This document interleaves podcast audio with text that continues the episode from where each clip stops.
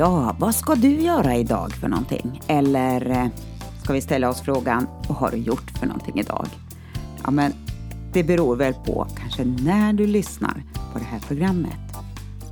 Hur som helst, jag har suttit nere vid bryggan en stund, men det var väldigt mycket fram och tillbaka med en badrock jag hade med mig dit ner.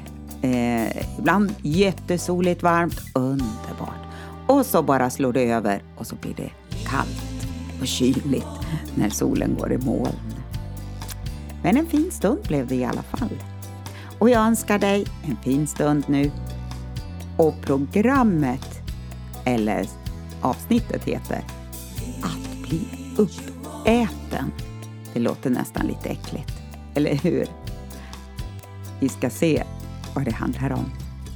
Jättevälkommen in my living room med mig, Eleonora Lahti.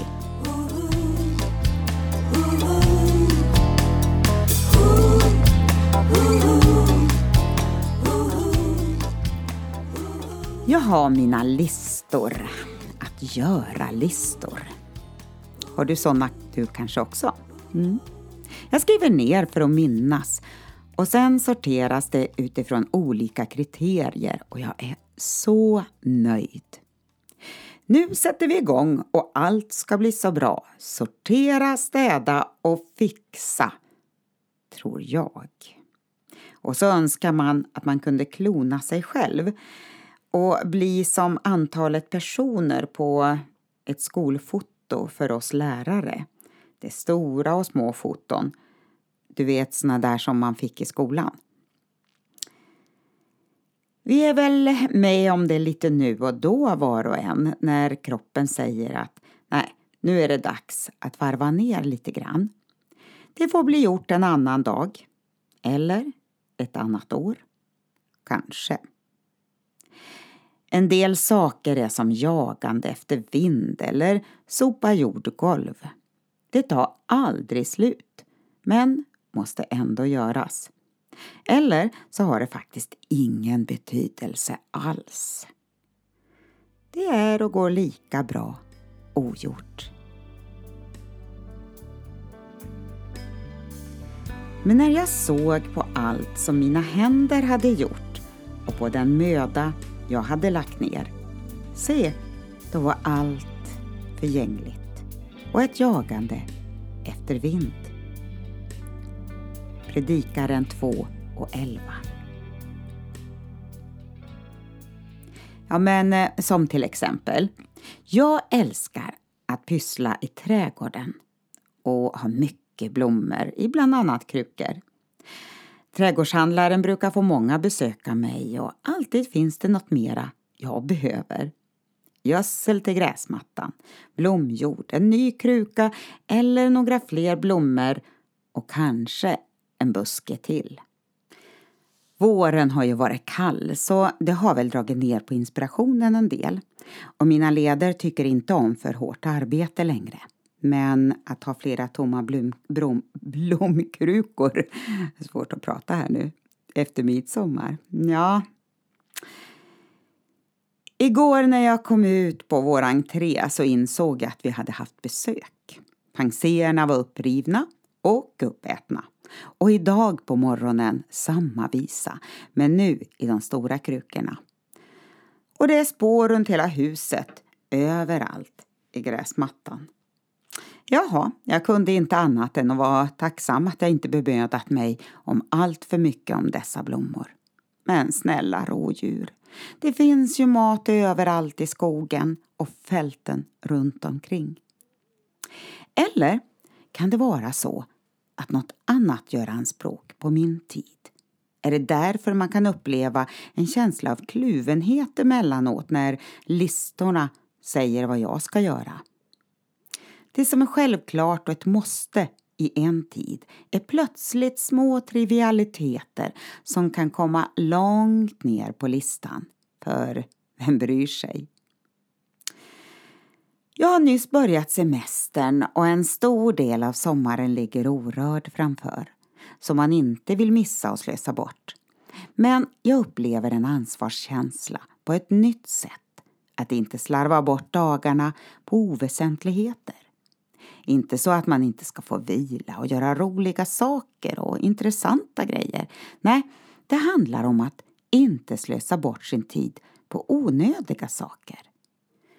Vad är det viktiga och nödvändiga? Visst kan det vara så om att jag börjar bli äldre men det handlar främst om att börja förstå vilken tid vi lever i och hur den gör anspråk på mig och min tid. Anspråk på min tid i denna tid. Ja, det var det jag sa. Hmm.